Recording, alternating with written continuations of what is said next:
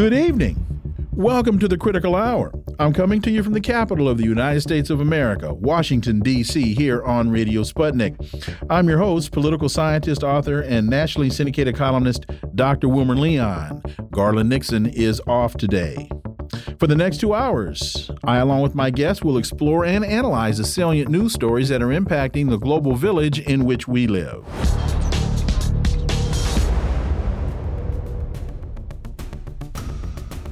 The Maui wildfire outbreak is already one of the deadliest in U.S. history, even as the final extent of human loss may not be known for weeks.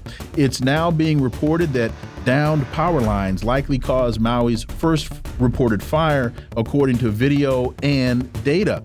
The fire in Makawao, a small rural town in the East Maui region of Upcountry, was the first of several reported in Maui last week. And this is the first time an electrical malfunction caught on video has been directly correlated with data confirming that Hawaiian Electric's power system experienced a major problem at the same time.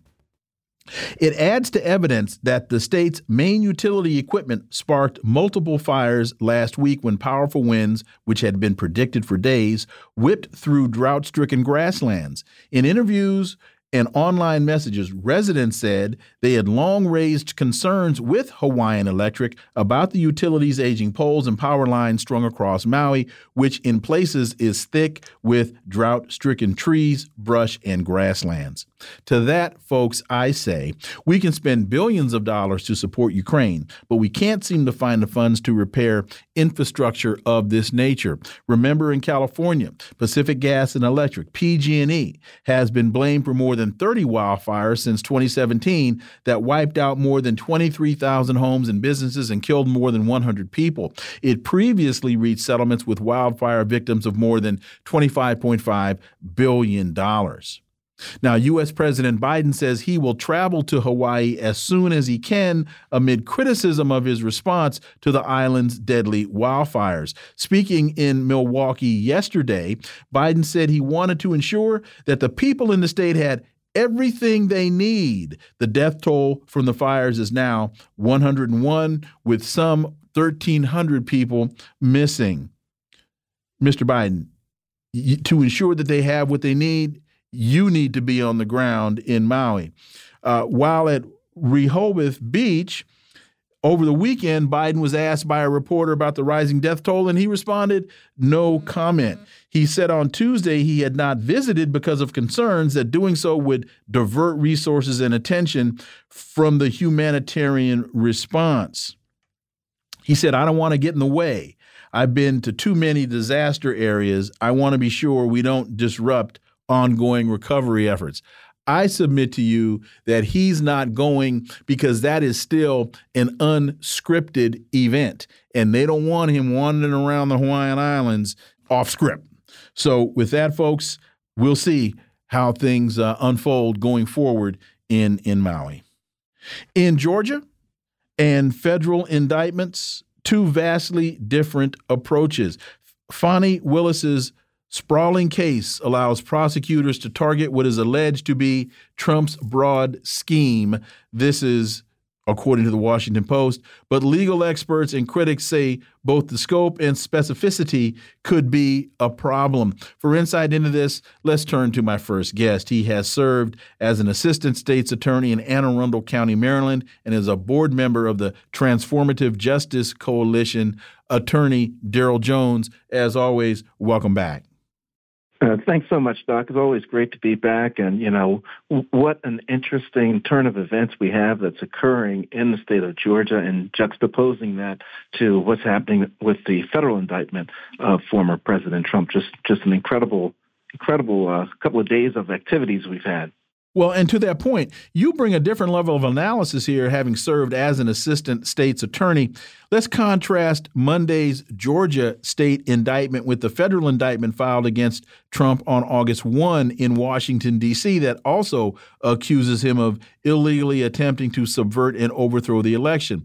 In Georgia, it's a complex racketeering case featuring 41 criminal counts against 19 defendants in a massive 98 page indictment. In D.C., the Justice Department prosecutors sought charges against Trump alone. They appeared to be aiming for speed and simplicity, producing a 45 page indictment featuring only four charges. Give us some compare and contrast state court, federal court, attorney Daryl Jones. Uh, thanks so much, Doc. And, and you're absolutely correct. Uh, you know, in the federal uh, case uh, dealing with January 6th that Jack Smith uh, has brought against former President Trump, it appears as though what he was trying to do there is that he wanted to really do a narrow aim of of being able to prosecute the former president without a lot of delay. Uh, and when I when I say without a, a, lot of delay, what I mean by that is that by narrowly focusing on these charges on the federal court, not including any of the co-defendants uh, that they know of uh, in the case. It permits them to simply focus on one defendant. And by focusing on the uh, one defendant, that means that there are fewer cross examinations that are going to occur. You're not going to have 18 different lawyers that are trying to cross examine uh, one witness. Uh, you're not going to have uh, a jury strikes by uh, 19 different attorneys uh, dealing with uh, trying to select a jury. You're not going to be dealing with a whole series of motions hearings or the pretrial motions hearings.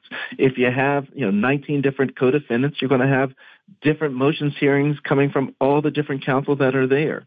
Uh, understanding what Jack Smith's strategy was, uh, his strategy was to simplify this, to, to really make it very narrowly focus uh, for the federal case, and that's what he has attempted to do, and that's what he's done. And and certainly, you know, hats off to the approach that he's taken.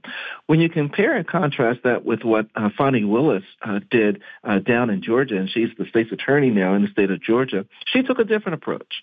Uh, her approach is one of she wants her jury to have the full picture. She wants uh, so you're going to have stuff, stuff that's included from every what five or six different states where there were act, there was activity going on. Uh, she used the Racketeer Influence and Corruption uh, and Corrupt Organizations Act, the RICO Act, to do this.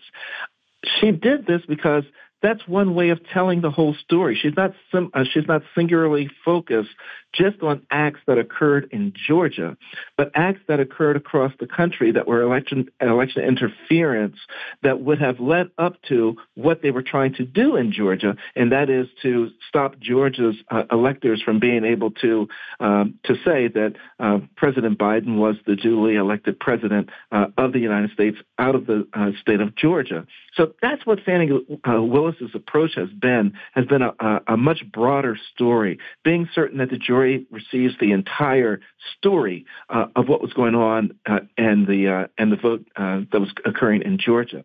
Interestingly, uh, it's going to be very challenging. Uh, you know, she's indicated that she wanted to have all of the cases go to trial within six months, which, which you know, oftentimes if you have 19 co-defendants and 19 different criminal defense attorneys, it may take you a month or two to be able to simply select a jury. So there's a lot that's going on there, and all the motions that will be going on between the 19 different uh, defendants. you already have um, uh, you know, some defendants that are, are making motions to have their matters removed to the federal court. You're probably going to have some defendants that are going to be making motions because I would do it if I was the defense attorney to get my, my client out of uh, uh, out of uh, uh, uh out of that county, out of Fulton County, and try to go into one of the more rural jurisdictions. So you're going to have all these different motions that are going to be coming about. So it makes it much more complicated, much more cumbersome, and certainly much more timely.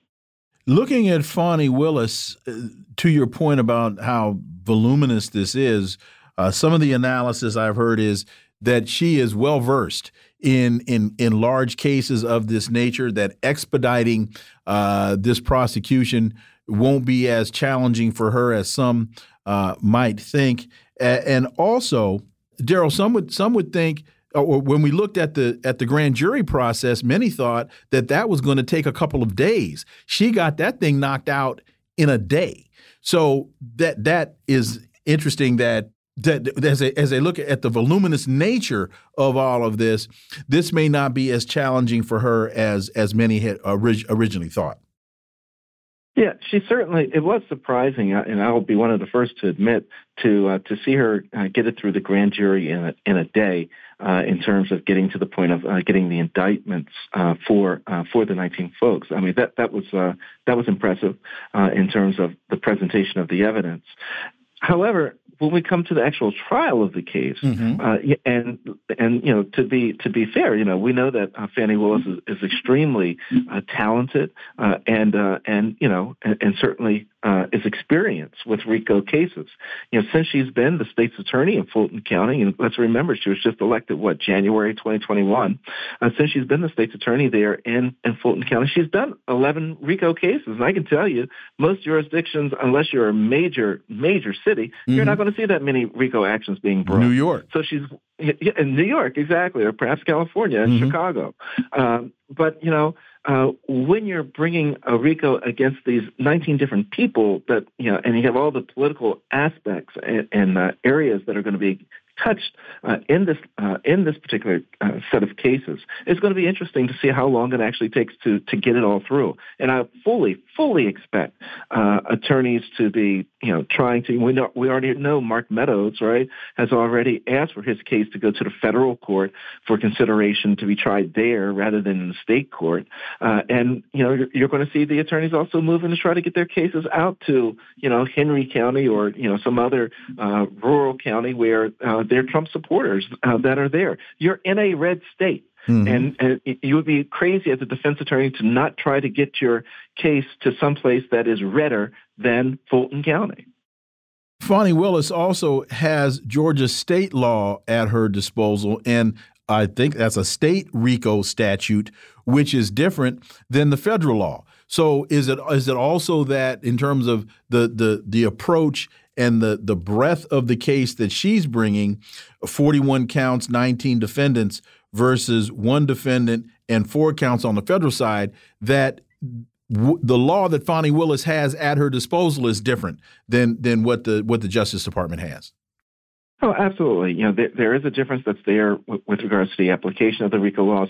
One of the things that uh, appears to be relatively unique in Georgia is that, uh, you know, she'll have a whole litany of charges, as you've seen, that have been brought.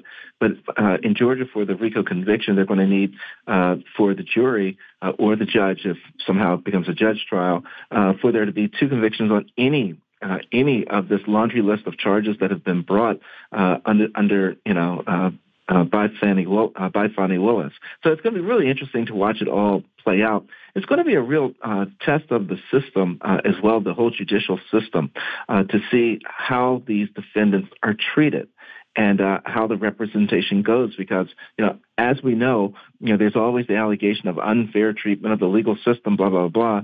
Well, on the 25th, we're getting ready to find out. August the 25th, we're going to find out uh, how fairly the whole bail process goes. Does does former President Trump have to post a bail? Is he a threat to leave the country, to leave the state, not be there? You know, uh, uh does Mark Meadows have to post a bail? Do, do, any of these people have to post? And are they the same bail? So all of this is going to start to to play out. It's going to be very interesting because you're also going to start seeing people begin to flip on each other, mm-hmm. particularly those that don't have money. Right? if you don't have enough money to have uh, a private counsel and a very good private counsel, you're going to be more inclined to try to figure out what's my best way out of this. And that might be by providing information to the state. And in terms of the, the DOJ federal case, we've got just about a minute and a half left. Do you anticipate superseding indictments? That we we got one one defendant, four charges. Is it possible that you're going to see superseding indictments? I think it's extremely possible that you may see a superseding indictment on, on the federal case, and we know that the investigation in uh, in, in that case is continuing. So, uh, if there is something that is turned up in the course of that continued investigation, you're going to see a superseding uh, indictment. That may slow it down a little bit, but you know, I think that you know Jack Smith is just so laser focused right now mm-hmm. that uh, I, I see that case occurring and going to uh, finality before the Georgia case. Daryl Jones, as always, thank you so much for your time. Greatly, greatly appreciate that analysis, and that was some good stuff, man. Thank you. Look forward to having you back. All right, all right. Folks, you're listening to the Critical Hour on Radio Sputnik. I'm Wilmer Leon. There's more on the other side. Stay tuned.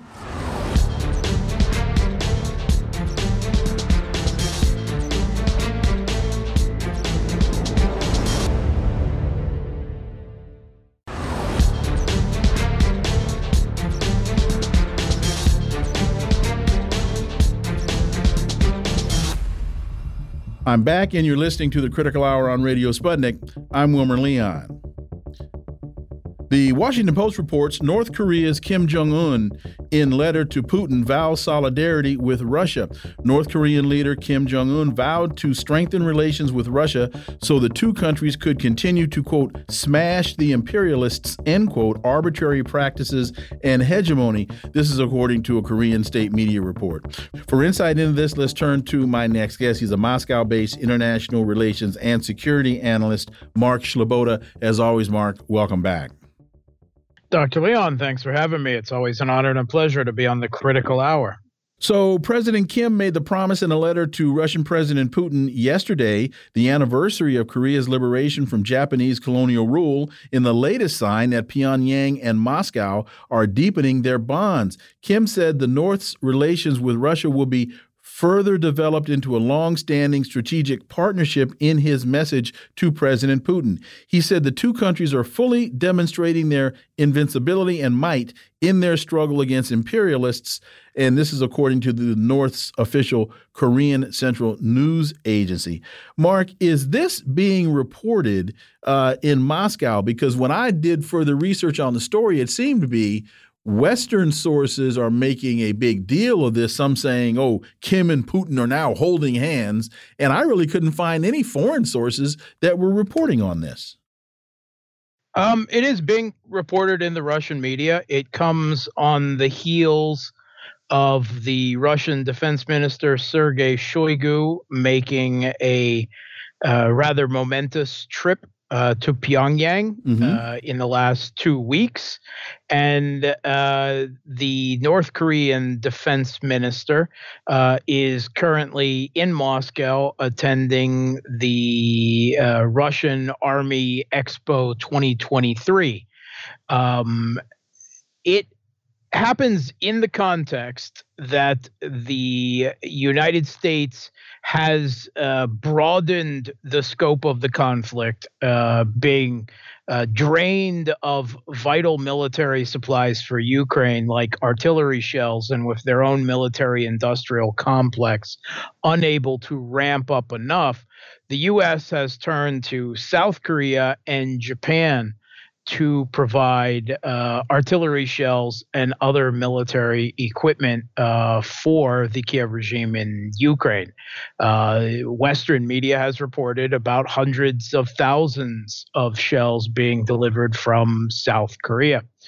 Um, there is very much. This was also brought up by President Putin in comments that it has the conflict has expanded beyond the scope of just NATO to the U.S.'s Pacific partners as well. Uh, considering this, it seems very likely that the Russian government considers it uh, quid pro quo, fair enough, uh, to turn to North Korea to supplement its own supply of uh, artillery and rocket systems, uh, which are compatible uh, with uh, some of the older Soviet systems used by Russia, very prevalent in the fight. And if that is the case, if North Korea puts its military industrial capacity to the assistance of Russia, it also seems likely that Russia will provide something for North Korea, perhaps advanced uh, air defense systems or electronic warfare, which would be a consequence that the South Korean government would have to endure for entering the conflict. There's an interesting piece in the Libertarian Institute. Germany considering limiting range of missiles before transfer to Ukraine. Berlin has been mulling sending its advanced Taurus missiles to Kiev. However, the German government has resisted due to concerns the missiles could be used to attack Russia, and key components could fall into Moscow's hands. To alleviate these concerns, Berlin may limit the range of the missiles before transferring them to Kiev. Well, help me understand this, Mark. This doesn't seem to make a whole lot of sense to me. Uh, they're, they, they've been concerned that the missiles could be used to attack Russia. Well, why else would they be sending them? Go ahead. The the yeah, a number of Western countries maintain at least the public fiction that they're providing only weapons uh, for the Kiev regime to use against Russian forces in territory that the West considers part of Ukraine still, despite referendums, the people wanting to get out of uh, Dodge when given the opportunity. Um, but uh, we have seen uh, repeated attacks, uh, for instance, uh, of uh, British and French supplied cruise missiles, the Storm Shadows and Scalp, hitting, hitting, or at least being sent to hit uh, if, if, if often being shot down by air defense uh, targets uh, in Crimea, for instance. And we have seen previous inc- multiple incidences of um, uh, Western supplied equipment that it was promised would not be used in Russia uh, being used to attack Russia. Uh, for instance, a uh, the Russia Volunteers Corps, a group of hardcore Russian neo Nazis fighting on behalf of the Kiev regime, uh, made excursions into Belgorod uh, a couple of months ago, mainland Russia, if you will, using U.S. military vehicles. there are also credible reports of the use of munitions uh, on Russian uh, territory, Russian territory, uh, before 2014. So these statements don't mean much uh, as far as I'm concerned. I think the far more important statement is they are concerned about Russia getting a hold of uh, the uh, technology. Um, and we have previously seen Russia, most likely through the use of its electronic warfare, manage to down a British Storm Shadow in nearly pristine condition. And that, of course, was immediately brought back to Moscow uh, to be dissected uh, to make it easier to intercept them uh, in the future. And it has to be said that Russia has already intercepted intercepted a significant proportion of the storm shadows fired. I think the Taurus is being considered uh, primarily because the United Kingdom and France are running rather low uh, on their own Storm Shadow and Scalp cruise missiles to send to the Kiev regime at this point. Uh, and they're trying to again drag anything that they possibly can into the conflict to try to give the Kiev regime some type of long range strike capacity. And talk about this in the context of the of the ongoing discussion that the next wonder weapon is going to be uh, the, the the the weapon that's introduced into the conflict and will turn the tables and bring about change. Yeah, I actually haven't heard anyone claim that the Taurus is going to be the next Wonder Weapon because it doesn't provide any additional capacity uh, that the uh, Storm Shadow didn't. It still uh, be required to be an air-launched uh, cruise missile. Uh, so um, I don't I don't think that anyone is saying that it's going to be some type of wonder weapon. I think the idea is simply that uh, if the storm shadow numbers that the United Kingdom and France are uh, able to provide are running low, that this will at least extend that same capacity for the Kiev regime into the future. And what about the discussion that, well, we're going to provide we're going to provide this Taurus missile, but we're going to we're going to cut down on its range. Uh, does that is, is that a plausible possibility, or is that just just rhetoric for public consumption? Yeah, we've heard a similar rhetoric about the HIMARS, and that's uh, being uh, that was supplied by the United States, and that's proven wrong as well. Uh, I, I, I don't uh, uh, believe that that is anything that should be taken seriously. The Guardian reports bribes and hiding at home the Ukrainian men trying to avoid conscription at the last military checkpoint before he exited Ukraine. A 39 year old man from Odessa handed over papers showing he had a serious spinal injury, thus exempting him from military service and from the ban on adult men leaving the country. So it seems as though you've got you've got the the narrative that we're getting is the Ukrainians are in and they're they're the ones that are leading the charge. Uh, but and the, the the Guardian is reporting that no, they're hiding and they're trying to buy their way out. And the fact that this story is in the Guardian speak to that as well, Mark Sleboda.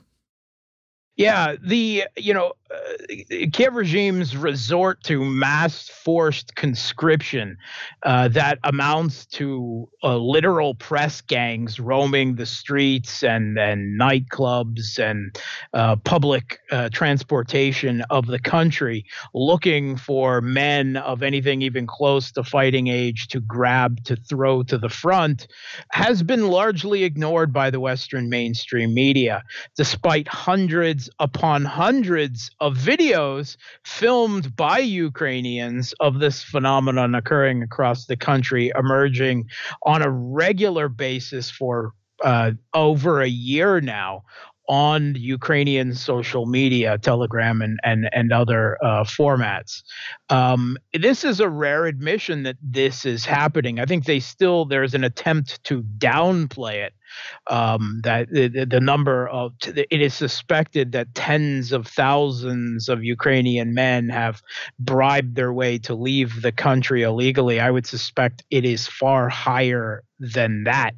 We have to remember that from the beginning of the conflict, the Kiev regime made it illegal for its own um, men to leave the country uh, for over a year and a half now, and it is doing the same for um, uh, 16 year old males in Ukraine as well now, according to legislation just passed by the Kiev regime's Rada. TASS reports West makes money on Ukrainian conflict does not need peace. Against the backdrop of losses, the West periodically resumes speculations that it is necessary to return to the negotiating table to find some compromises. This is according to Deputy Chairman of Russia's Security Council, Dmitry, and former President, Dmitry uh, Medvedev. Uh, we've been saying on this show for a very long time that this conflict to a great degree for the United States, one of the important elements is it's a money laundering scheme. Uh, your thoughts, Mark Sleboda? I, I think there is something to that. I don't think either side is interested in peace at this point, except on their own maximalist aims. But it is certain that a large amount of the money that the U.S. and Western countries are spending on the conflict is simply going into their military industrial complex. Uh, perhaps that's transferring money from the Western taxpayers uh, to these very specific industries and their rather extensive extensive uh, profits. Uh, but I don't think there's any real um, uh, sentiment uh, for a cessation of hostilities as facts exist on the battleground now on either side and probably won't be for a very considerable length of time. Mark Sleboda, as always, thank you so much for your time. Greatly, greatly appreciate that analysis. Look forward to having you back. Thanks for having me. Folks, I'm Wilmer Leon, and you're listening to the Critical Hour here on Radio Sputnik. There's more on the other side. Stay tuned.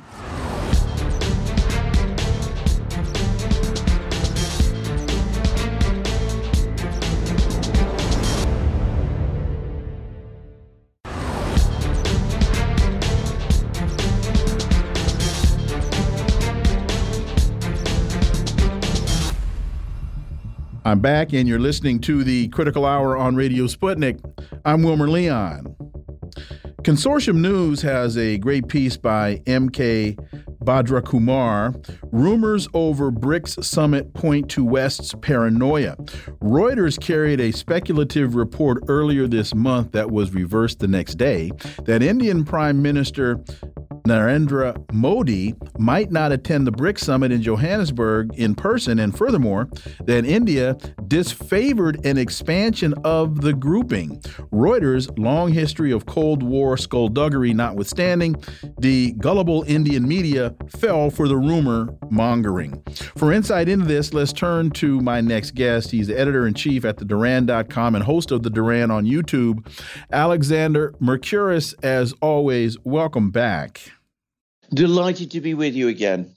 The story continues. This rumor created some confusion, but only momentarily. South Africa is conscious that, with the state of play in its bilateral ties with the U.S. being what it is, President Ramaphosa's excellent personal relations with President Putin, BRICS, uh, sojourn on the de dollarization pathway and its expansion plans, that there are high expectations of Modi's constructive role the rise of BRICS has definitely uh, posed a threat to the United States. I wrote a piece a while ago called The Non Aligned Nations Realign and speak to this also in the context of France's President uh, Macron not being allowed to attend. Alexander. Absolutely. He's not been allowed to attend, even though 60 other countries were invited. And apparently, all of the BRICS states agreed that he should not attend. So it was a big slamming of the door in Macron's face. But let, us talk first about the Modi thing because that is really very interesting. Mm-hmm. And Reuters, I should say, I should say, is a sort of British news agency. It's been, it's so many people think it's the world's leading news agency, which it isn't, by the way. but it's ever since it was first established I think at the end of the 19th century or the beginning of the 20th century, it's universally known that it's basically run by the British Foreign Office and the British intelligence services. And of course, they work hand in glove with the US. So the point is, they're looking, they're constantly trying to find a weak point in the BRICS. They're worried about the BRICS. They think that they can exploit the fact that there have been these historic tensions between China and India. They've tried to create a wedge between the Russians and the Chinese, and that was partly what the Ukraine war was all about.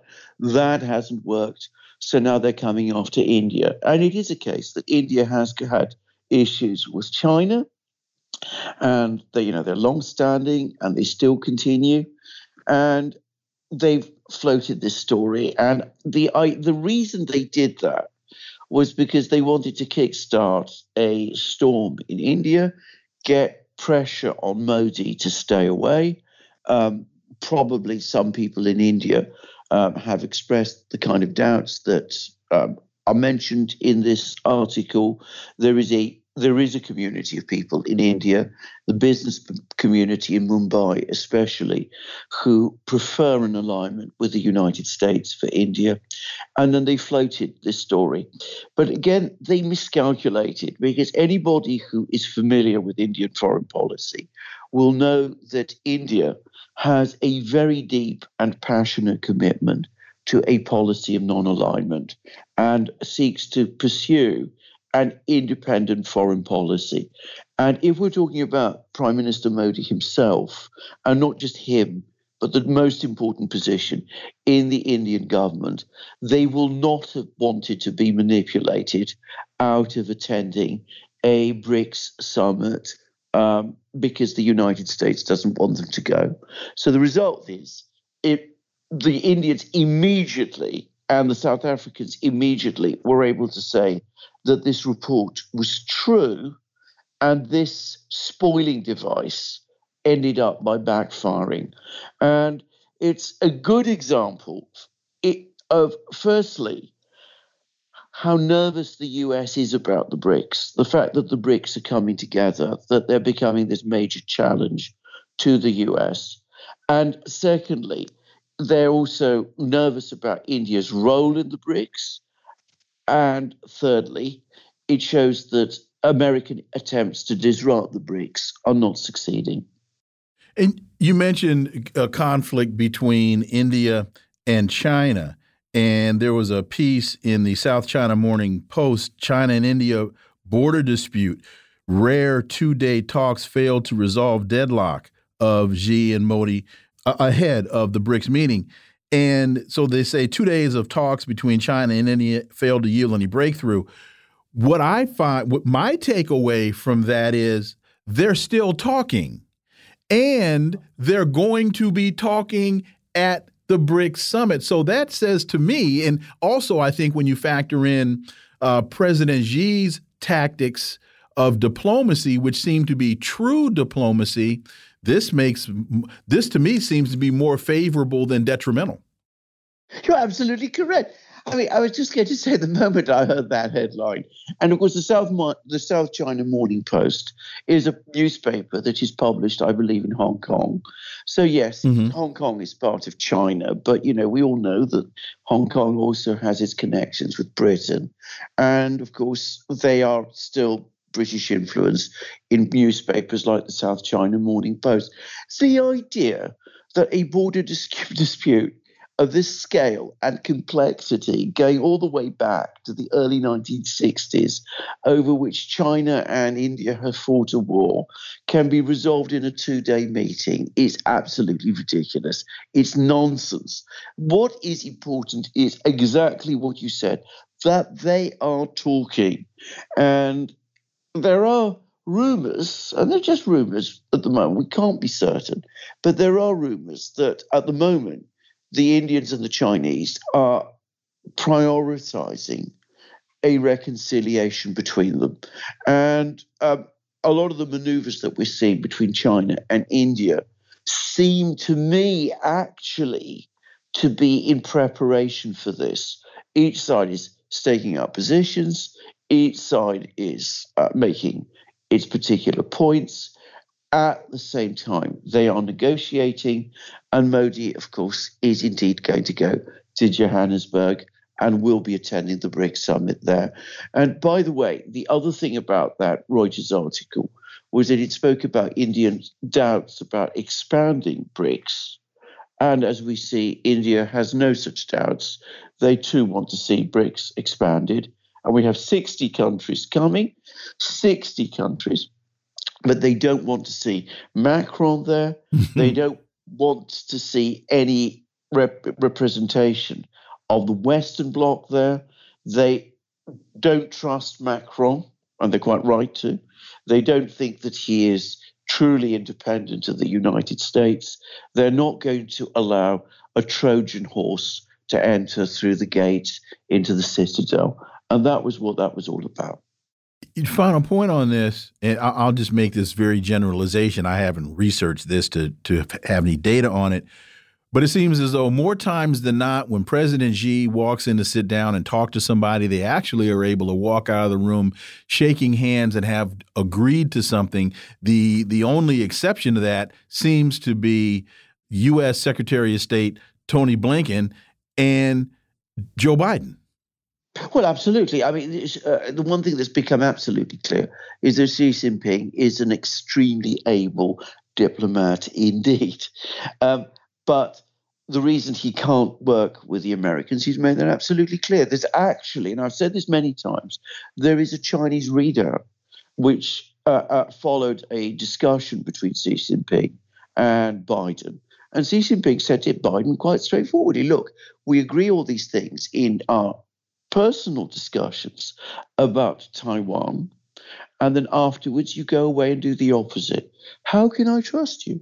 It's there. It's actually there in the readout. The Chinese readout said that very thing. Orinoco Tribune reports U.S. pressures Saudi Arabia to sell oil in dollars, not Chinese yuan, amid Israel negotiations. And the U.S. is negotiating behind the scenes with the Saudis pressuring the country to keep selling its oil in dollars. Uh, Alexander, the last time this conversation took place didn't seem to go too well for Joe Biden. I don't know what makes him think going to, no pun intended, going to the well again is going to result in a different response from the Saudis. Well, especially given that the Saudis don't like Joe Biden and have made that very clear. But you know, the interesting thing about all that that particular story is you need to drill down and see what it is that the Americans are actually offering Saudi Arabia. Because the Wall Street Journal says that the Saudis are asking for help with a nuclear program. Now, notice that you know the Wall Street Journal spins it mm-hmm. that it's the Saudis who are asking for it. What it and when they talk about a nuclear program, so be very clear, they mean a military nuclear program. So, what is really happening is that the Americans are telling the Saudis, look, we want you to make up with Israel, establish diplomatic relations with Israel. We want you to continue to sell your oil in dollars. We want you to remain an ally of us. And in return, we will look the other way and give you covert help so that you can become a nuclear weapons power. That's what this discussion really is all about. That's what the US is trying to win the Chinese, uh, the Saudis to do. Now, it's not going to work because the Saudis, I, I mean, I, you know, they may want at some point to acquire a nuclear bomb. I sincerely hope not, by the way. I mean, that would be a disaster. Mm-hmm. But they can acquire one anyway. They do not need help from the US to do it. They got the they can get access the technology in Pakistan. They can obtain all kinds of help from all kinds of people. They have quite a lot of technical people of their own it's not difficult for Saudi Arabia to do this thing, but it gives you a sense of the kind of thinking that the US has. They're trying to win back Saudi Arabia. They're trying to tell the Saudis if you align with us, we will accept for you a position comparable to that of Israel. Israel has nuclear bombs, and we provided support. You can have nuclear bombs and we will provide you with support also. But in return you've got to sell your oil and you've got to sell your oil in dollars not in chinese rmb and you've got to align with us against the russians and chinese alexander mercouris as always thank you so much for your time that was phenomenal phenomenal analysis as always and we look forward to having you back i'd be delighted to come back and look forward to it thank you Thank you. Enjoy the rest of your evening. Folks, you're listening to the Critical Hour on Radio Sputnik. I'm Wilmer Leon. There's more on the other side. Stay tuned.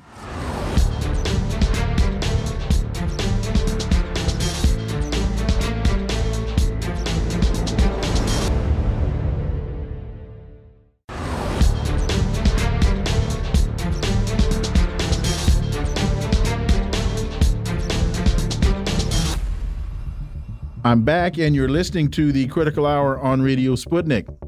I'm Wilmer Leon. The Washington Post reports North Korea's Kim, in letter to Putin, vows solidarity with Russia. North Korean leader Kim Jong un vowed to strengthen relations with Russia so the two countries could continue to smash the imperialists' arbitrary practices and hegemony. This is according to North Korean state media. For insight into this, let's turn to my next guest. He's a peace activist, writer, and teacher, and a political analyst, KJ Noh. As always, KJ, welcome back. Thank you. Pleasure to be with you. So, President Kim made the promises in a letter to President Putin. I think they exchanged letters yesterday on the anniversary of Korea's liberation from Japanese colonial rule. I think it's important, one thing, to view this exchange in the context of Korea celebrating liberation because they're talking also about liberating themselves from ongoing imperialism and colonial rule. Your thoughts, KJ? No. Yes, you're absolutely correct. This is a very, very important uh, day for Koreans, August 15th. They refer to it as Liberation Day, or actually, they refer to it as the day of the restoration of light, that everything was dark before then. Hmm. The true fact is that North Korea did liberate itself from colonialism, but in South Korea, the colonialism continued. And it continued in two ways. One is that the Japanese simply handed over their colonization of the southern part of the peninsula to the Americans. The U.S. came in, and they uh, South Korea essentially has a neo-colonial relationship with the United States. And also when the U.S. came in uh, in this kind of trusteeship, it put back in all the uh, Koreans who had collaborated with the Japanese, essentially uh, creating a continuation of colonial rule, uh, but this time for the Americans. In that sense, it's almost as if the Vichy government in France had kept their power and continued up to this day. This is what the situation is like in South Korea. And so North Korea's strong statement about liberating themselves and uh, strengthen their strengthening their fight against imperialists is a real contrast with what the South Korean president Yoon Suk Yeol said, which is he you know talked the usual uh, pabulum about democracy, which South Korea is clearly backsliding from.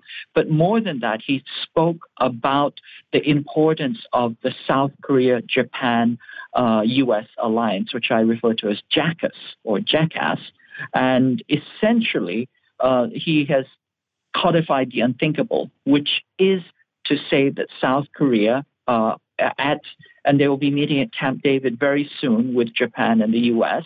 That they are codifying a trilateral military alliance. That is to say, Japan and Korea and the United States look to be on the cusp of codifying, institutionalizing a trilateral military alliance, which, from the standpoint of uh, both North Korea and the vast majority of people, the citizens in South Korea, think of this as unthinkable. That to enter into a military uh, uh, alliance with your former colonizer, this is just beyond the pale.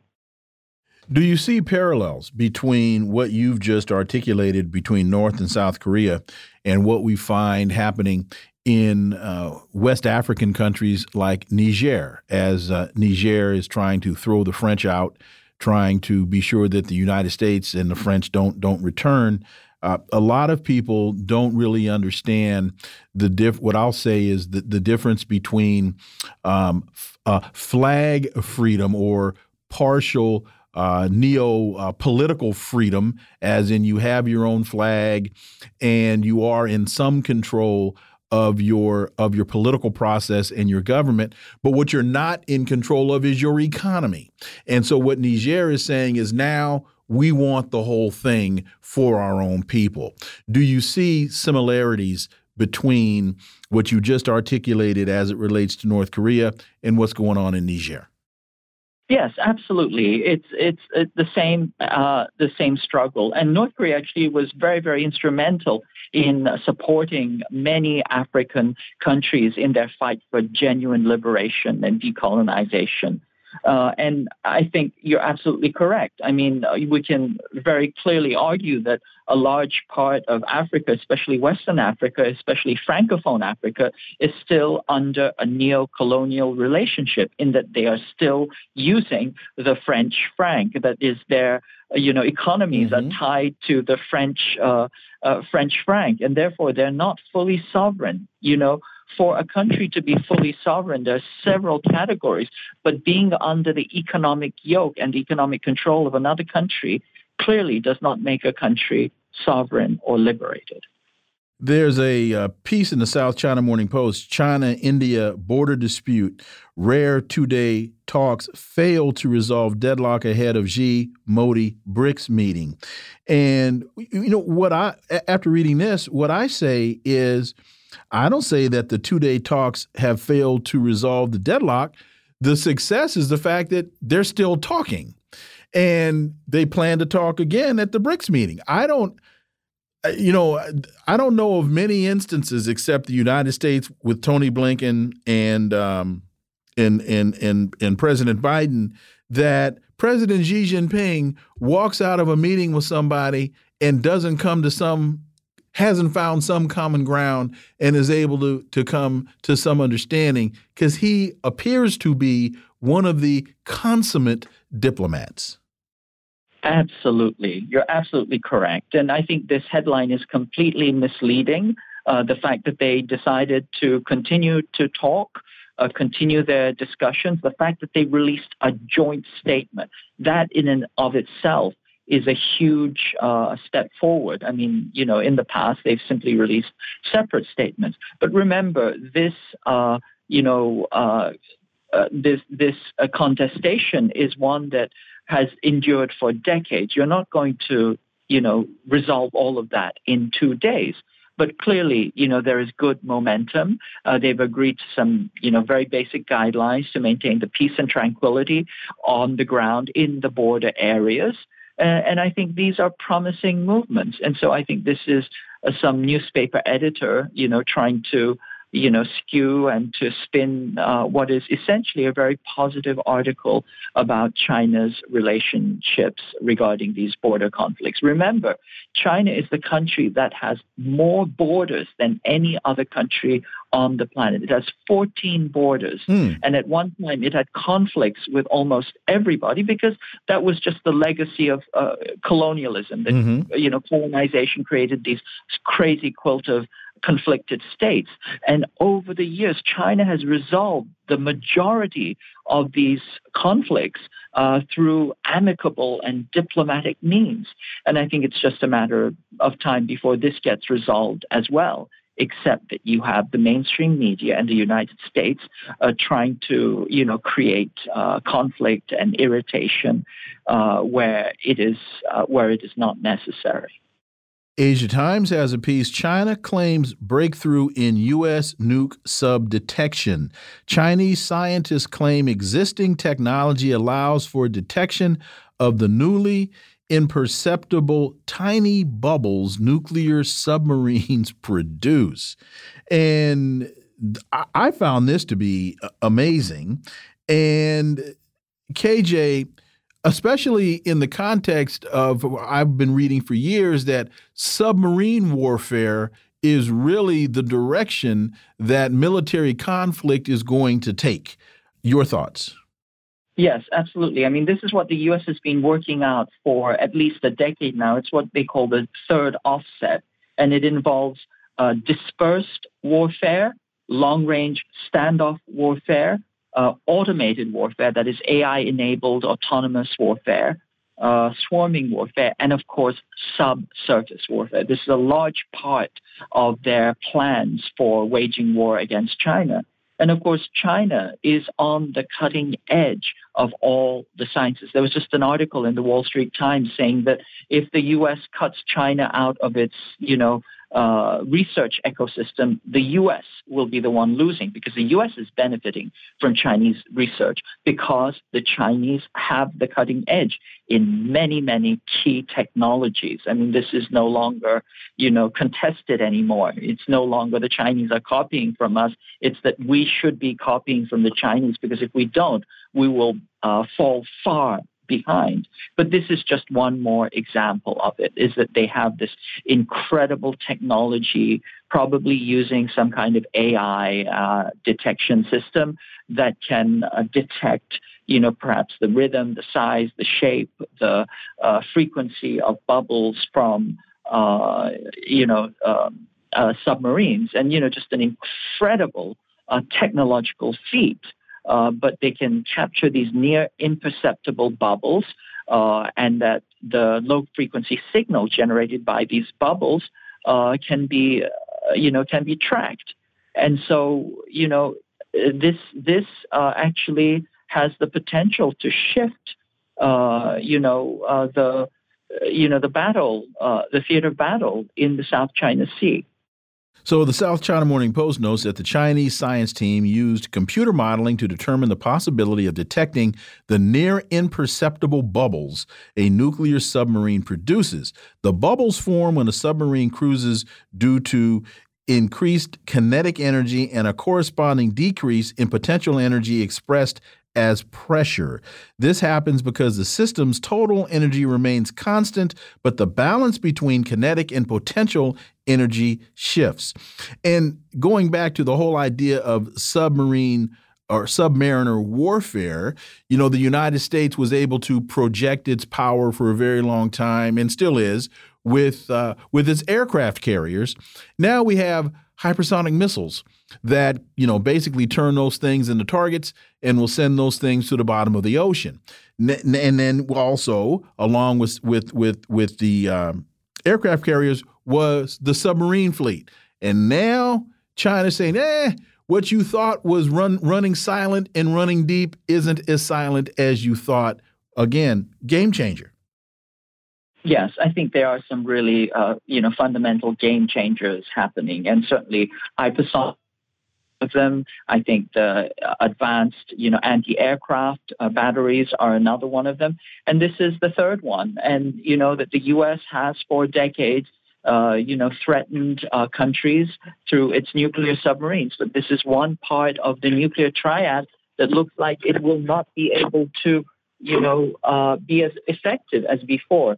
And once again, you know, this kind of extraordinary technology, computer enhanced uh, sensing, I think, you know, speaks to the level of sophistication of Chinese research uh, and the way that they're making active, taking active measures to develop means to uh, thwart U.S. Uh, uh, threats and U.S. Uh, military military pressure. We have just one minute. Philippines cuts China hotline as sea tensions spike. Manila severs communication line in response to China Coast Guard's disruption of resupply vessels. Uh, whenever you cut communication lines, it's not a good thing. We got 45 seconds. Yeah, it's not a good thing, and it's a very foolish thing because they need those communication uh, channels. What they're uh, pissed off about is that the the the, the Chinese are uh, wanting them to move this that they've stranded on uh, on an island in order to claim it. I mean, the thing is falling to pieces, piece of junk, which is rusting to, to pieces. But the, the, the Chinese are preventing them from resupplying it because they want them out of there uh, because they don't have a claim to it. It's just a EEZ claim, which is not enough to sustain a claim on land. Uh, and the Philippines, in its peak of, uh, you know, a fury, uh, has decided that it's no longer going to speak. But eventually, we'll have to come back to discussions. KJ Noh, as always, thank you so much for your time. Greatly appreciate that analysis. We look forward to having you back. Thank you. Always a pleasure. Folks, you're listening to the Critical Hour on Radio Sputnik. I'm Wilmer Leon. There's another hour on the other side. Stay tuned.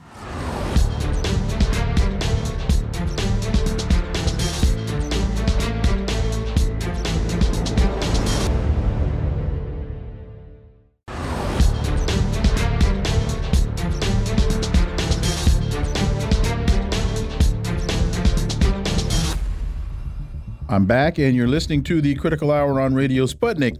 I'm Wilmer Leon. Mondoweiss reports Israel's new entry procedures for Palestinian Americans are meaningless if the occupation remains. The Biden administration seems insistent on pushing Israel into the visa waiver program, but unless it forces Israel to ensure complete freedom of movement for Palestinian dual nationals, any policy changes are meaningless. For insight into this, let's turn to our next guest. He's an award winning broadcaster, journalist, and political analyst based in Beirut, Lebanon. Laith Marouf, as always, welcome back. Thank you for having me. So uh, it's reported that last month Israel loosened its entry procedures for Palestinian Americans in an attempt to join the U.S. visa waiver program.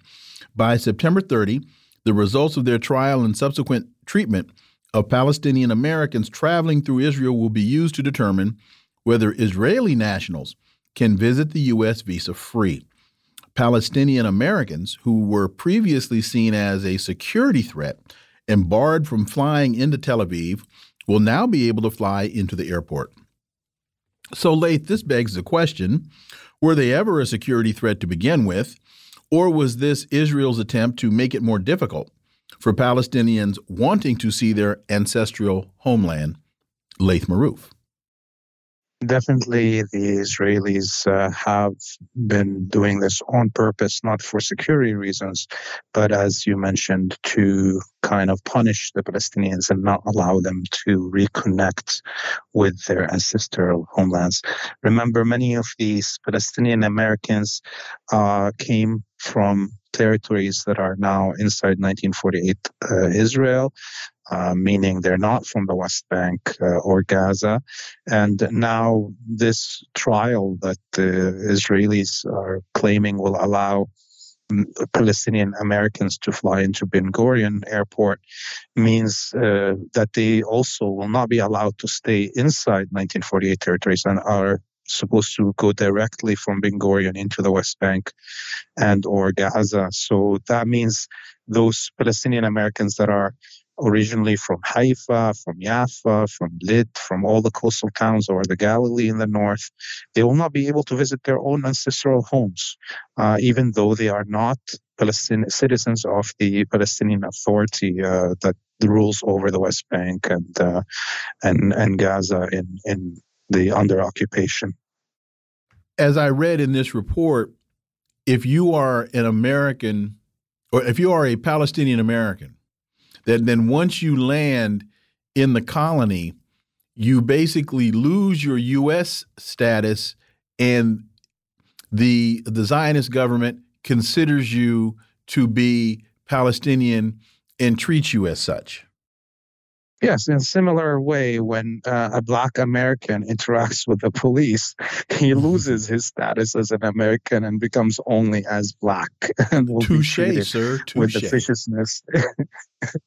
so this is where it is. You know, Palestinian citizens of the United States uh, are not respected in similar manner as Jewish Americans are respected when they enter the Zionist colony, and they are treated as Palestinians as a, a nuisance um, and, and, a reminder of the colonization uh, process. And this is why the Zionists don't want Palestinians there. And again, you know, we have to remember this supposed change in how Israel treats Palestinian Americans, meaning uh, it used to be that they're not allowed to enter from Ben Gurion, they had to enter through Jordan um, and cross the river Jordan into the West Bank and then be blocked from entering there and or entering the rest of Palestine. They're now allowing these Palestinian Americans to enter through Ben Gurion, but will have no right to visit any of the territory of what Israel claims is to be its, you know, so they will only be allowed to get on a bus from Ben Gurion and go to the West Bank and or Gaza. They cannot visit any of historical Palestine beyond that. So this is still a discriminatory practice. And in the last few weeks alone, of course, the, this trial is supposed to end in, in September, as the article mentions.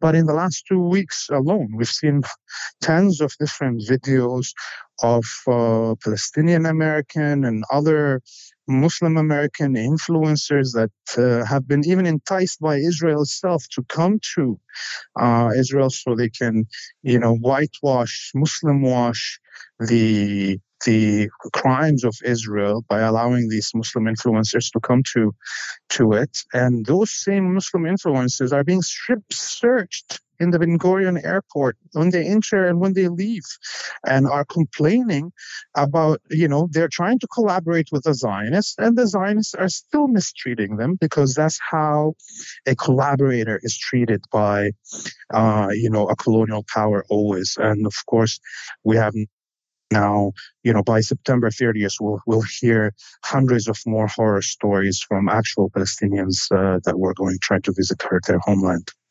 Al Mayadeen English reports, quote, Israel too will be sent back to the Stone Age. Syed Nasrallah says the Hezbollah Secretary General uh, Nasrallah addressed the Lebanese people and the supporters of the resistance on the 17th anniversary of uh, Lebanon's victory over the Israeli occupation in the 2006 July war.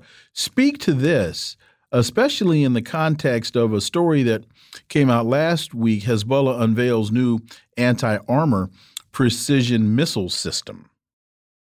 Yeah, I mean, this was a very historic speech by Sayyid Hassan Nasrallah uh, on the 17th uh, anniversary of the end of that war and the victory of the resistance against the Zionist uh, occupiers.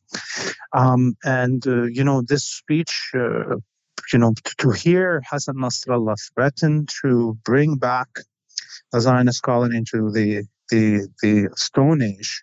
Uh, this is a response to mm-hmm. Zionist, uh, mm-hmm. you know, leaders over the last week who threatened to bring uh, Lebanon back to the Stone Age. Did, did Smotrich, did Smotrich say that, or uh, was it the president?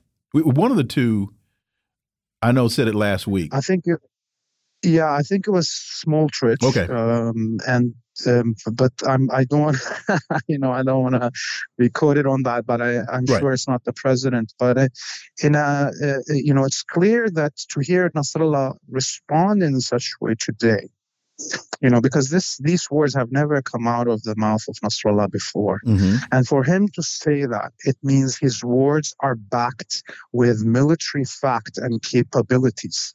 Uh, and, uh, you know, uh, uh the Zionist media since uh, the speech was delivered on Monday, have been uh, going into a frenzy, detailing um, every word uh, that Nasrallah spoke about, interviewing the highest, you know, retired military and security officials in the in the colony, and there is a consensus between all those pundits that came out on Israeli media over the last few days that Sayyid Hassan Nasrallah knows more about Israel and their readiness for its war than the leaders that are currently in Israel, like Netanyahu and the Ben Gvirs and the Smotriches, who are stuck in their psychosis um, and cannot recognize that Israel has lost all its advantage over the resistance and the axis of resistance in, in the region. So Sayyid Hassan Nasrallah saying these words triggered a huge review in the Israeli media about the readiness of the military for a confrontation with Israel, uh, with Lebanon, especially in the north uh, of uh, occupied Palestine. And uh, all the analysis that came out showed that uh, there is not enough uh, shelters, that the Radwan troops of Hezbollah will occupy most of the Golan, sorry, the, the Galilee within the first day, probably, of the of a confrontation. So Israel at that moment will be will cease to exist because once you occupy the Galilee, it means you're connected to the West Bank from Lebanon, and and what is left of Israel is just a small coastline uh, of occupation that that is impossible to defend. I don't know if you can really answer this question, but how concerned are those in Lebanon that a real military conflict could break out. It, it, what what what brings me to ask this question is you're saying that you know those in Israel are now being forced to do a, a, a reassessment of their of their capabilities, which makes me think that a lot of what we've been hearing from them is a lot of bluster and is a lot of rhetoric, and that makes me think about Ukraine. Two years ago sending troops to the border and then you kind of testing the waters and the United States not thinking that Russia would respond. And then based upon all the things we know that happened in the in um, in the Donbass and all that that that that Russia intervened at the request of those um, of of those in the Donbass. So point being, the United States was surprised. Would Israel be surprised? And how concerned are people? Sorry for that long question, but Oh, no, no. Look, they are very concerned in Israel and the United States itself to the point where the chief of staff of the United States military has been dispatched and is arriving uh, now to the Zionist colony, all in response to the speech of Hassan Nasrallah. And the chief of staff of the American military will be inspecting the readiness of the Israeli military um, uh, uh, in, in, and investigating specifically the effects of the chaos that we see in Israel right now in terms of the infighting and the multiple levels of uh, Air Force, Navy, and uh, military uh, members that uh, are refusing to serve, um, and, and, and how that affects even the American military readiness in all of Western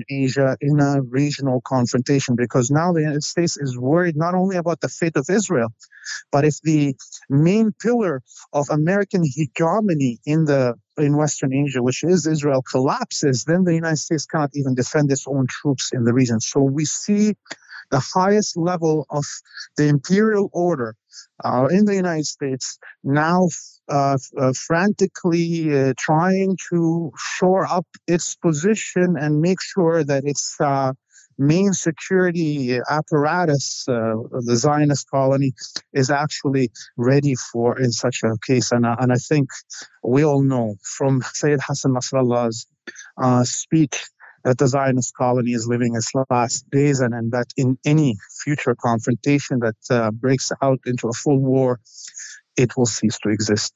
We have just about a minute and 45 left. Niger, this is from, again, Al Mayadeen English. Niger and the African struggle against neo colonialism. The recent events in Niger and the consequent regional implications in West Africa at large had brought back to the forefront of popular discourse the prospects of decolonization and liberation, Laith Marouf? Yeah, this is a story that is uh, developing very fast, and I think the whole world is watching. And you know, because it it, it is showing the end of uh, French influence in um, Africa, and which will be followed eventually, of course, by American influence collapsing in that region too. Uh, just you know, over uh, a, a, few hours ago, the African Union uh, had uh, made a statement and uh, voted on, and uh, they refused any military intervention in Niger. So this is now a clash between the African Union and the West African Economic Zone countries, ECOWAS. So that shows you the power of Algeria in the mm, African mm-hmm. Union and the power of South Africa uh, and Ethiopia, who all drove towards against any intervention in Niger. Now we're in a situation where the French and the Americans are going to have to depend only on themselves to maintain any hegemony in the Sahel region, and that in itself will uh, actually drive. If the United States and France try to militarily uh, sub, you know, force the Niger to submit to their will, uh, this will bring in Algeria and other countries into the conflict. And I don't think the United States is ready for this. Laith Marouf, as always, thank you so much for your time. Really appreciate that analysis. Look forward to having you back. You have a great evening. You too. Thank you. Folks, you're listening to the Critical Hour on Radio Sputnik. I'm Wilmer Leon. There's more on the other side. Stay tuned.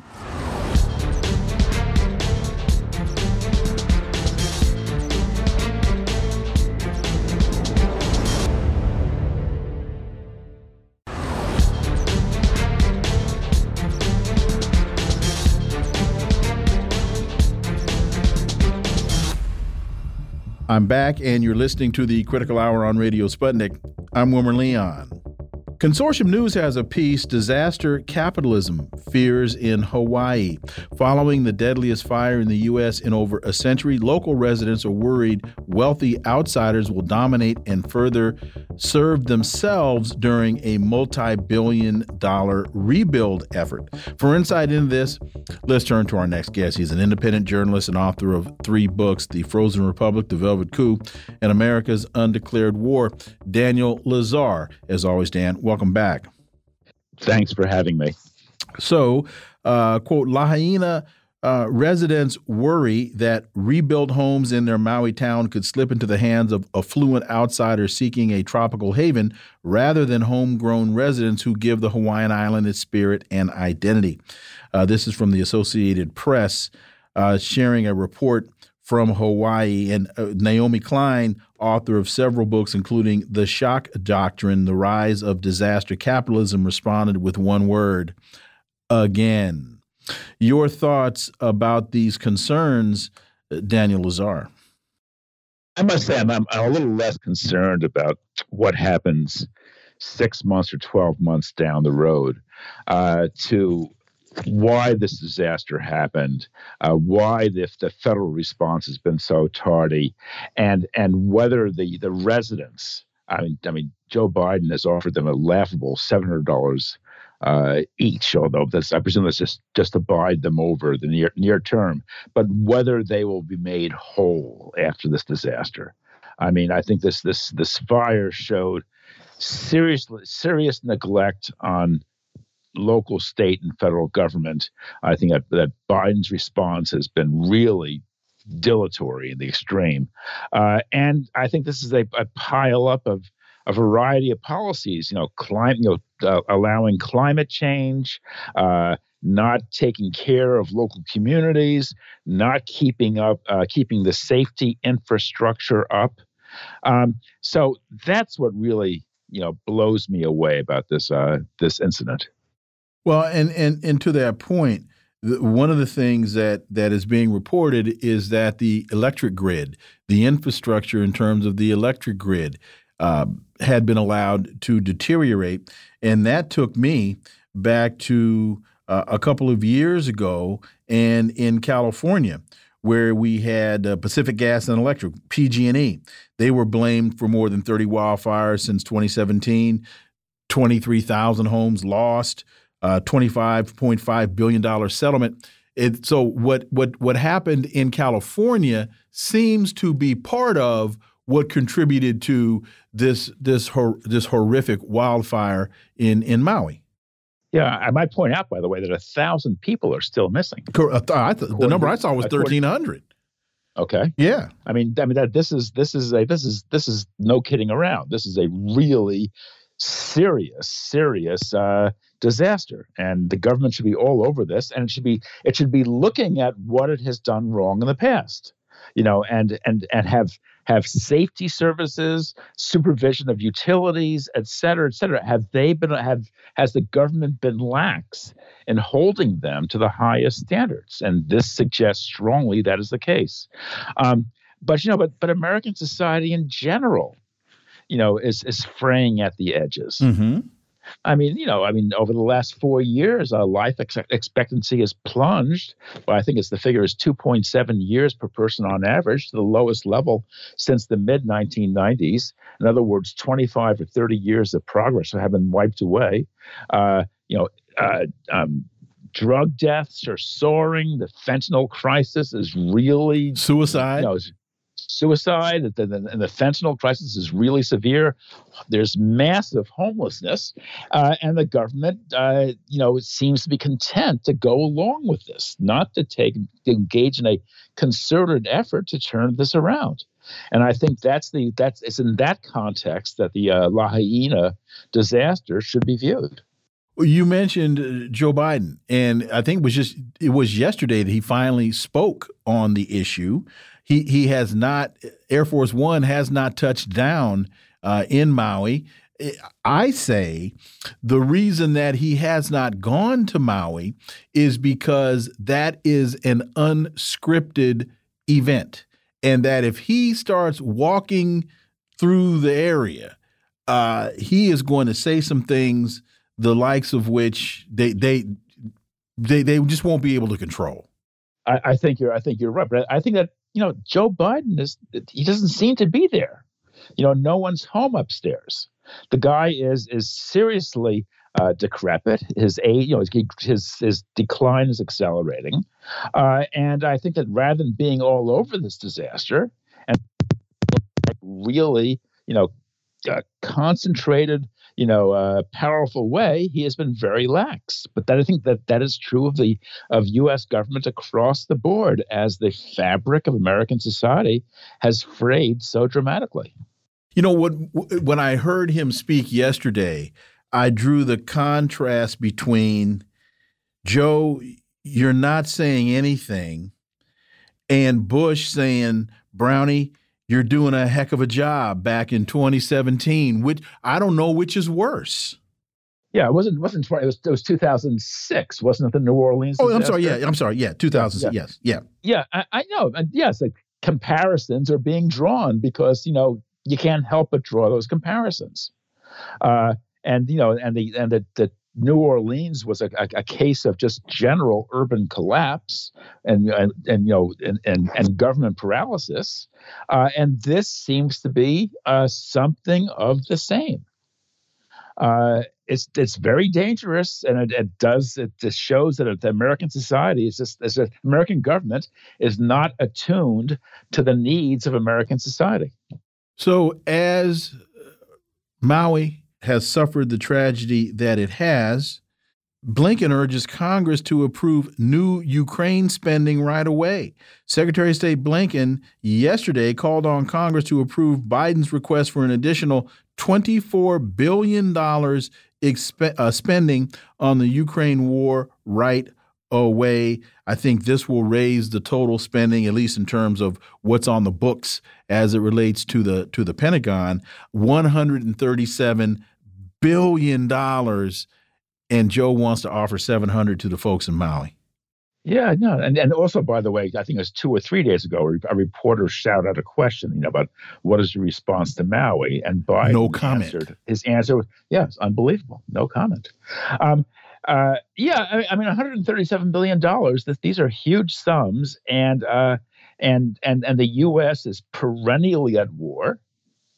Uh, and and those wars are costing more and more money and they seem to be doing less and less well from even from a pentagon perspective. I mean you know afghanistan two years ago exactly ended in a complete disaster. 20 years uh, 20 years occupation that ended in a in a, a total collapse. And uh, and I think the Ukraine I mean I think the the, the summer offensive the formerly was a spring offensive uh, is is going turning into a military disaster. Uh, so you know, so so NATO spends more, the U.S. government spends more and more, uh, and the result is not to make the world a safer place. There's an interesting piece in the Post as Georgia Republicans rebuke Trump. They are lonely voices in the GOP, and talk about the most recent uh, indictment do you see this as a distraction? Because there are a whole lot of things going on in the world that really need our attention maui being one of them.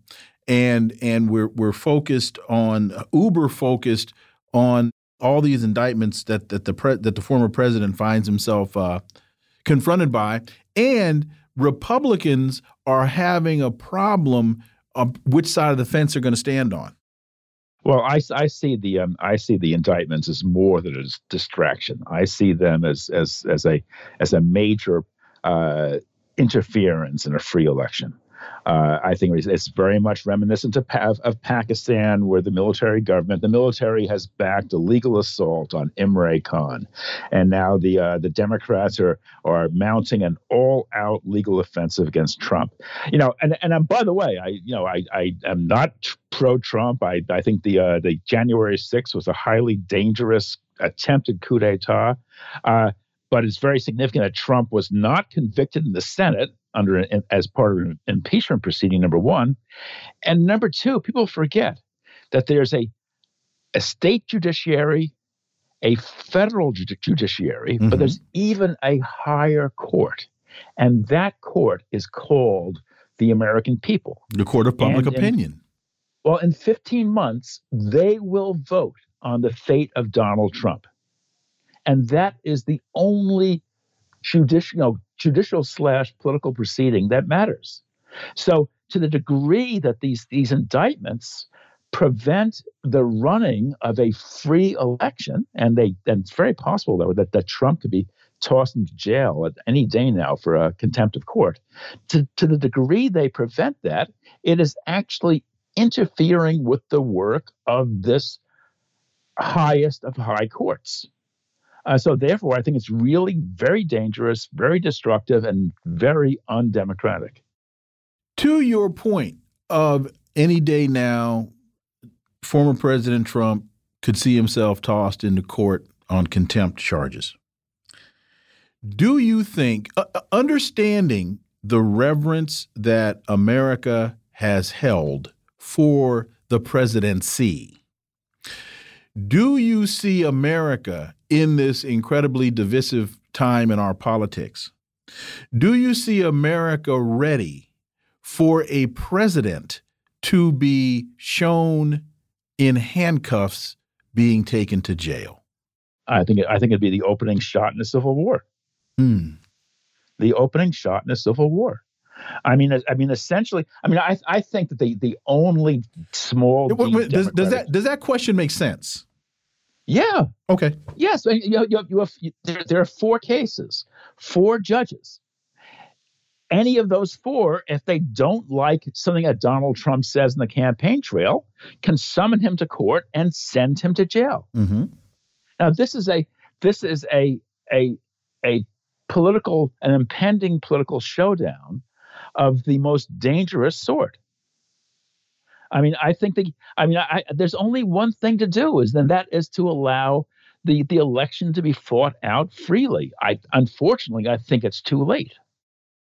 In fact, I think uh, Fani Willis, the prosecutor in if it, in in Georgia, if it wasn't her, it's the it's the judge that's just been appointed, has given the 19 individuals that have been indicted a week to present themselves, or uh, warrants will be issued for them. And so, if if President Trump does not respond, I think that's another example of of how tenuous this situation is. Absolutely, and uh, but uh, but uh, today's New York Times had an article uh, essentially saying that you know that, that that if Trump was any ordinary individual, he would already had right. been thrown into prison, into jail mm -hmm. on, mm-hmm. on contempt charges. Uh, which suggests that he very that I mean I think this is this is the this is the tripwire here. Mm-hmm. It's very possible that Trump's rhetoric will wind up in angering angering one of these four judges to the point where they do lock him up, and and that is political dynamite. It puts the U.S. over the edge into a, highly dangerous uh, political confrontation. Daniel Lazare, as always, thank you so much for your time. Greatly, greatly appreciate that analysis. I look forward to having you back. Thank you. Folks, you're listening to the Critical Hour on Radio Sputnik. I'm Wilmer Leon. There's more on the other side. Stay tuned.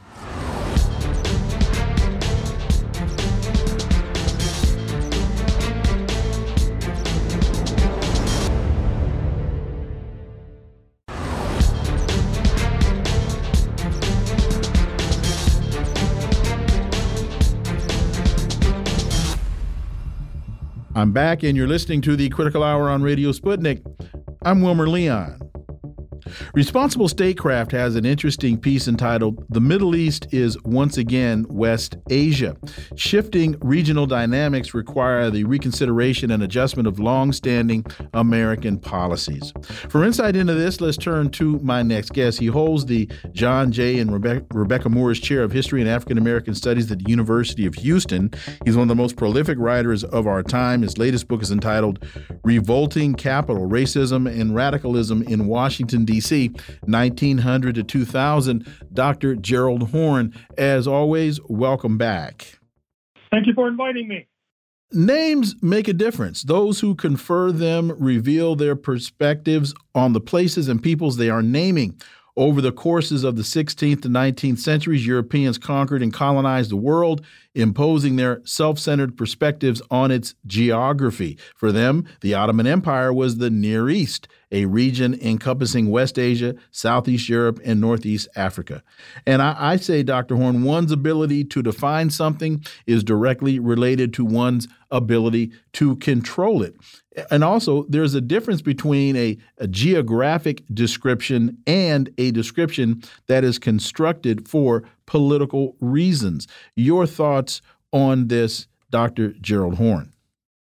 Well, I, I think that article also reflects in a unique kind of way, an indirect kind of way, the continuing influence of British imperialism upon U.S. imperialism.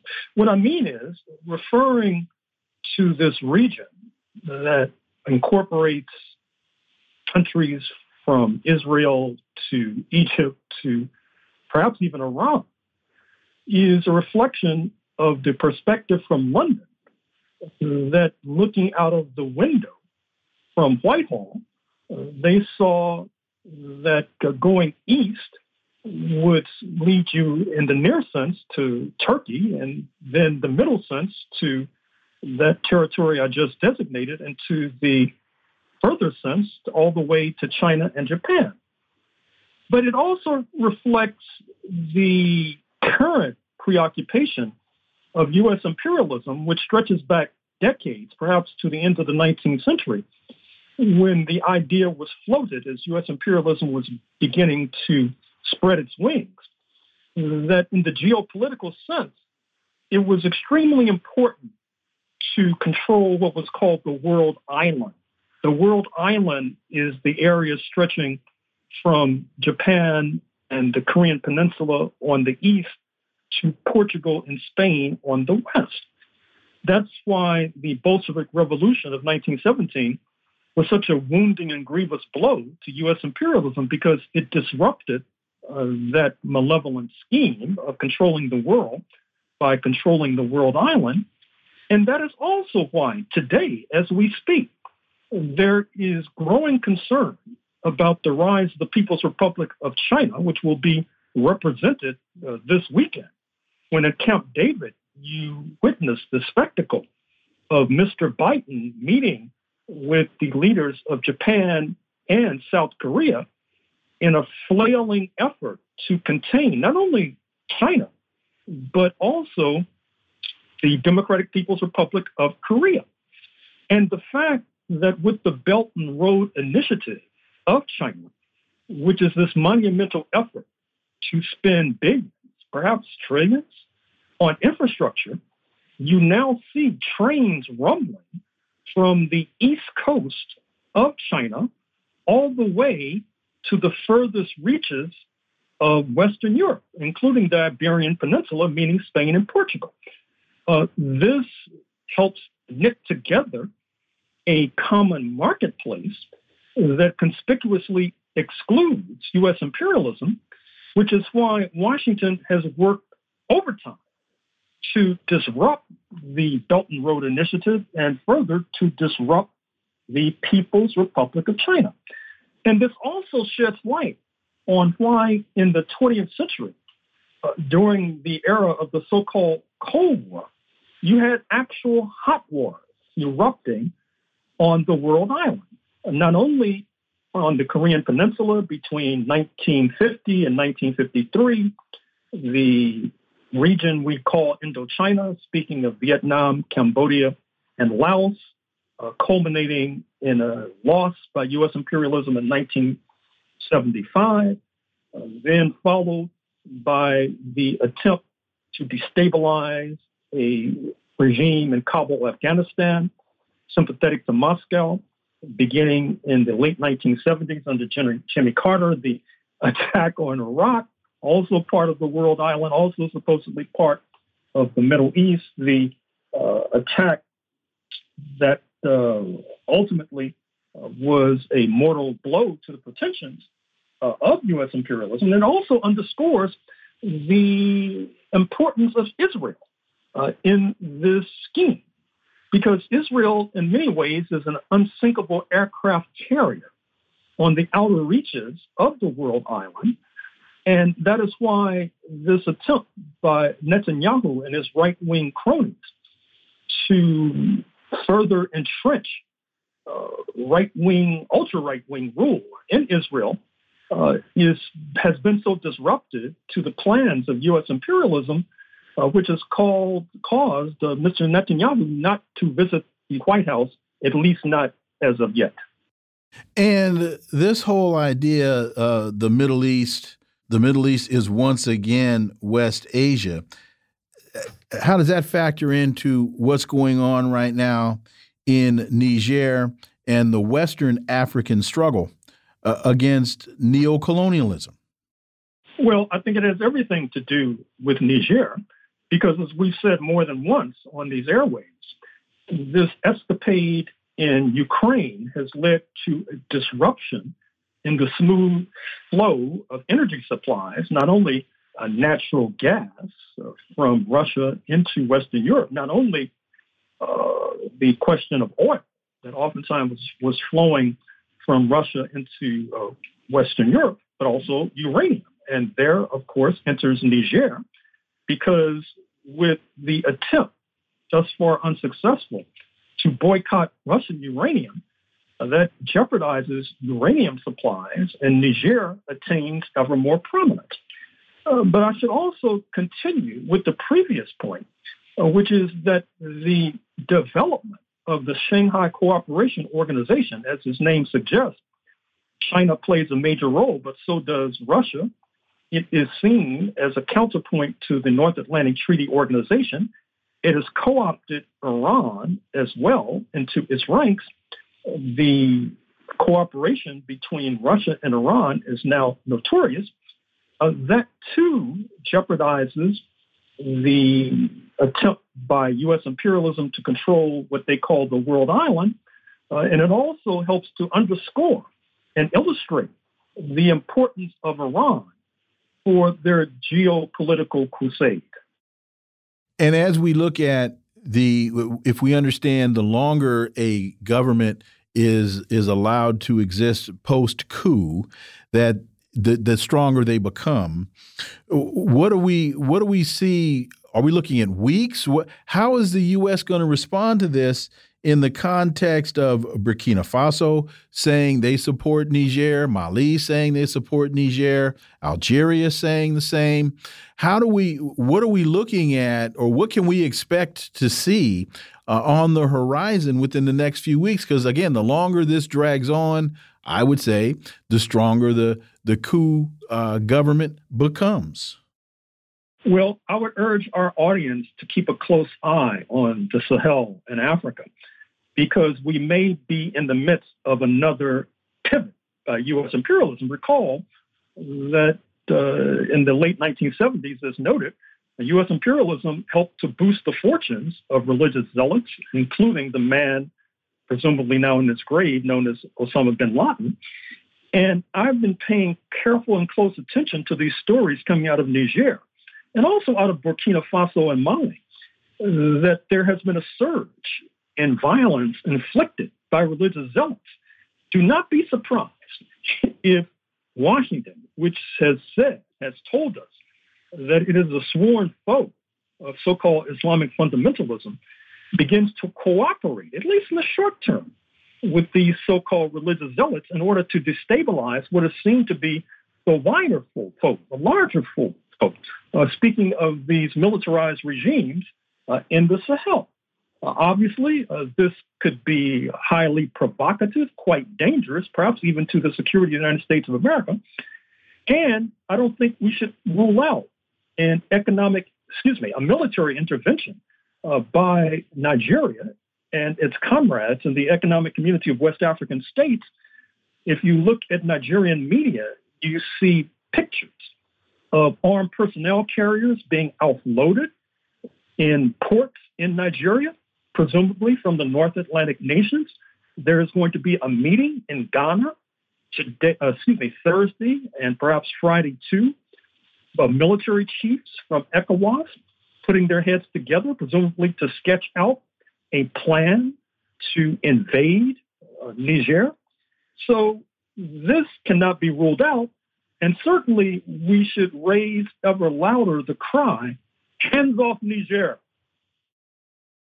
Responsible Statecraft has a piece. It's been 70 years since the CIA assisted coup in Iran. There's an awful lot to be learned, I would say, from the, the, the rationale that the United States put together as they overthrew uh, Mohammad Mossadegh, as well as the long lasting ramifications uh, of such action. I have said and that you know we can trace a lot of this quote unquote Islamic resistance or Islamic quote unquote terrorism back to that coup? Well, it's interesting to note as well that the Islamic Republic of Iran has extended the hand of cooperation to many Black Americans. Uh, some in the DMV, the District of Maryland and Virginia, may be familiar with the Black American once known as David Belfield, who began to cooperate uh, with the newly installed Iranian revolutionaries post 1979, and in fact, uh, carried out some operations uh, in the DMV on their behalf and then escaped to Iran, uh, where he's become an actor. I would point you to the movie Kandahar, for example. But more than that, uh, Iran looms large on the imperialist landscape because it is a major producer of oil and, of course, natural gas as well, which once again brings us back to the escapade in uh, Ukraine, the attempt to curtail exports of energy from Russia. which makes the uh, importance of energy from Iran all the more important. And then, of course, that points to the recent deal negotiated by Mr. Biden, whereby Iranian prisoners in this country are being traded for those in prison in Iran, and $6 billion in Iranian dollars that have been frozen are being returned to the regime. This is an attempt to wean the Iranian regime to the bosom of U.S. imperialism, but I dare say hmm. that it too will fail. And Dr. Gerald Horne, as always, thank you so much for your time. Greatly, greatly appreciate that analysis, and we look forward to having you back. Thank you. Folks, you're listening to the Critical Hour on Radio Sputnik. I'm Wilmer Leon. There's more on the other side. Stay tuned.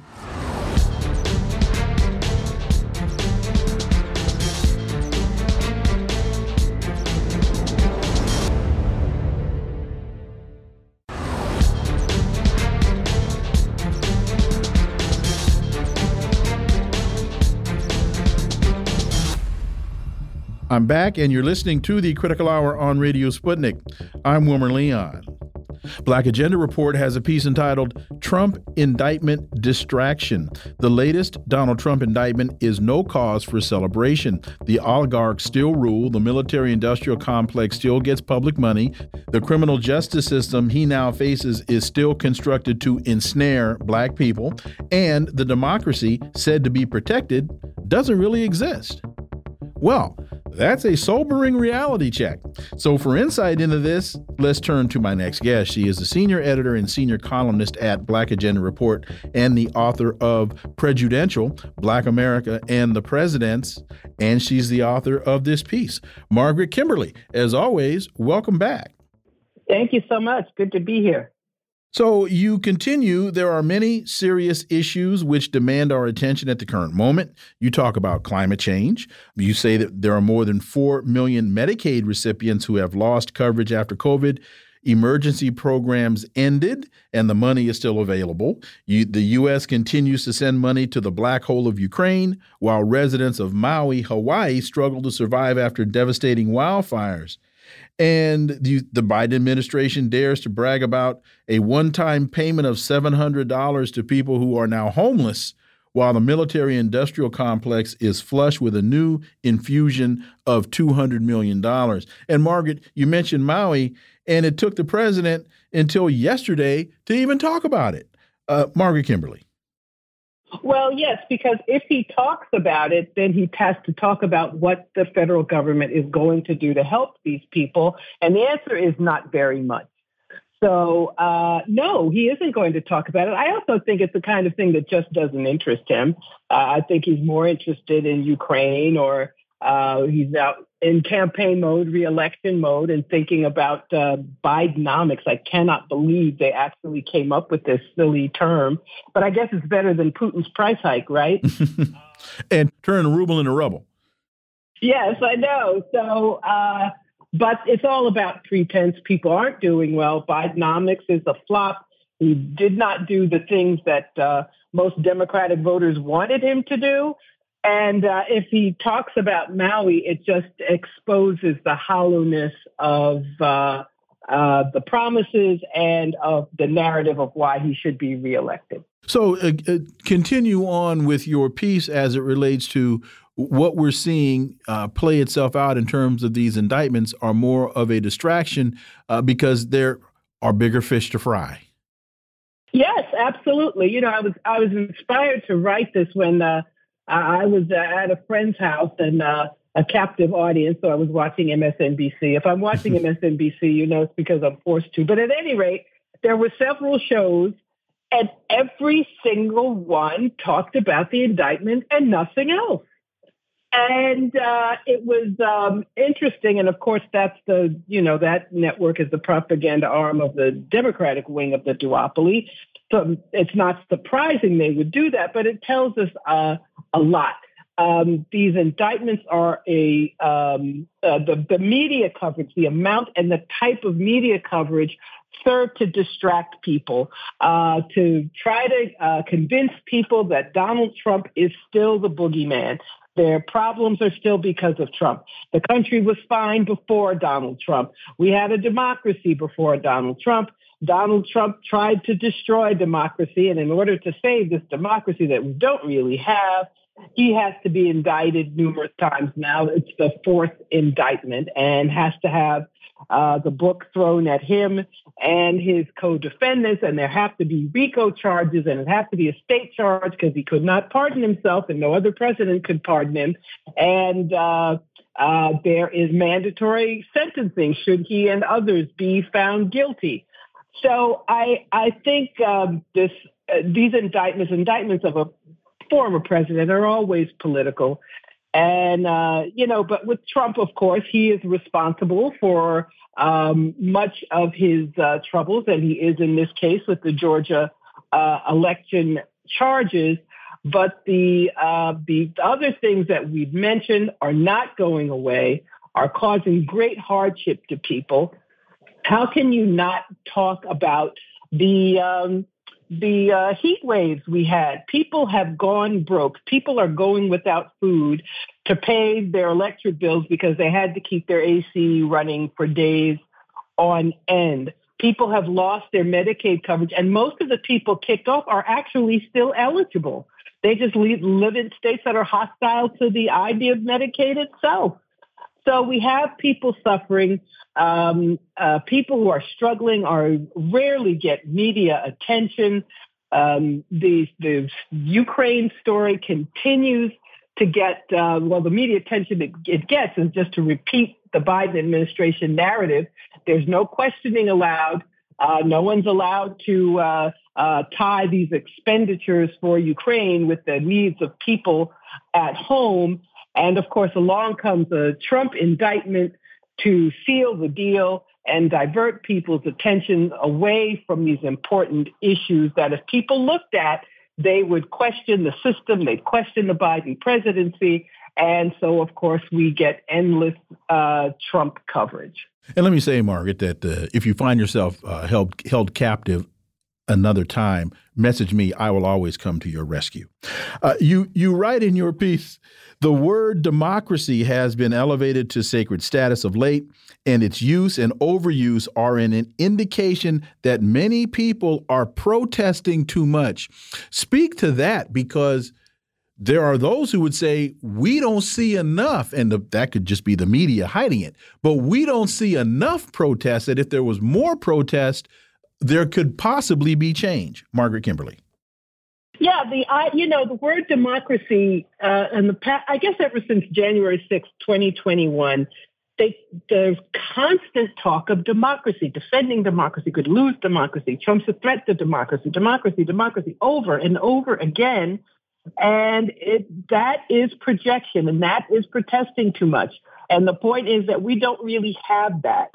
Now you have this person who can be a useful foil and you can point at him when, yes, we have elections, but uh, the candidates are chosen well ahead of time. The people don't have any input.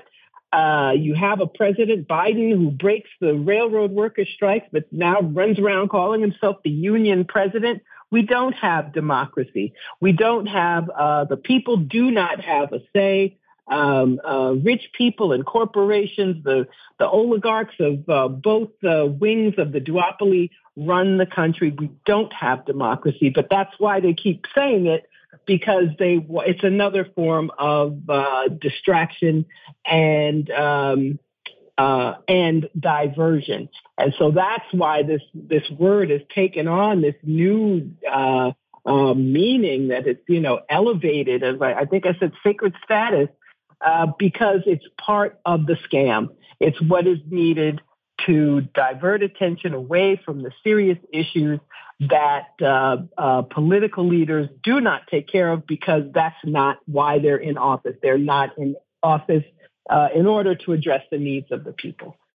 There's another piece in Black Agenda Report Haiti needs freedom, not tears. Is it enough to meet the Haitian people?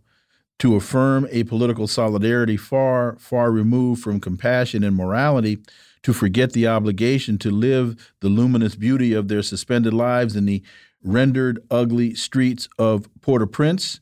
And a lot of people, because this is falling off the radar or, or so many radar screens, don't realize we are down the path and very close to a U.S. backed re-invasion of Haiti.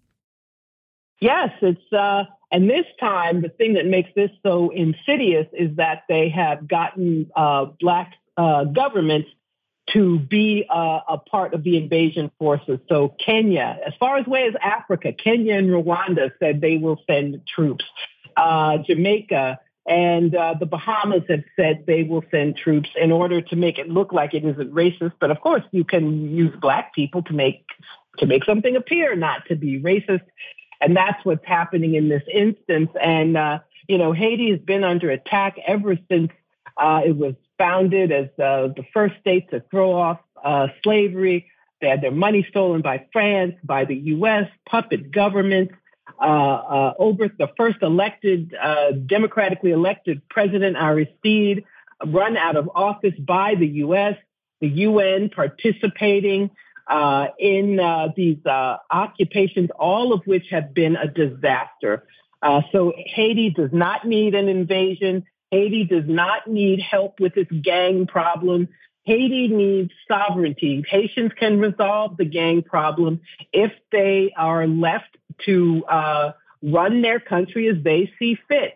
Uh, we've had Hillary Clinton who forced them to hold an election again because she didn't like the winner. We had UN uh, troops who brought cholera to the country. The last thing Haiti needs is more interference and more occupation.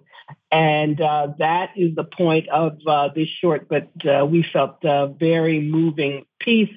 Everyone who loves freedom needs to uh, support the Haitian people and not these uh, these uh, invasions and occupations, which are are cast in some sort of positive light, but they aren't. It's the same old, same old. It's this country being run by outsiders and being run into the ground.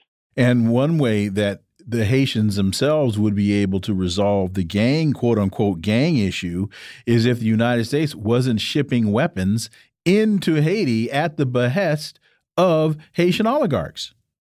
Oh, absolutely. The, these oligarchs who run the country, who own the ports, how can you have uh, uh, military grade weapons coming into the ports if they didn't know about it? Their goal is to keep the country destabilized so they can still rob the country, or they can. Uh, two years ago, a president was assassinated. There's a fake uh, prime minister who was not elected by the people, who's perhaps implicated in the assassination of uh, uh, the last uh, Jovenel uh, Moise. president, Jovenel Moise, yes, who was supposed to have left office actually and engineered staying in office.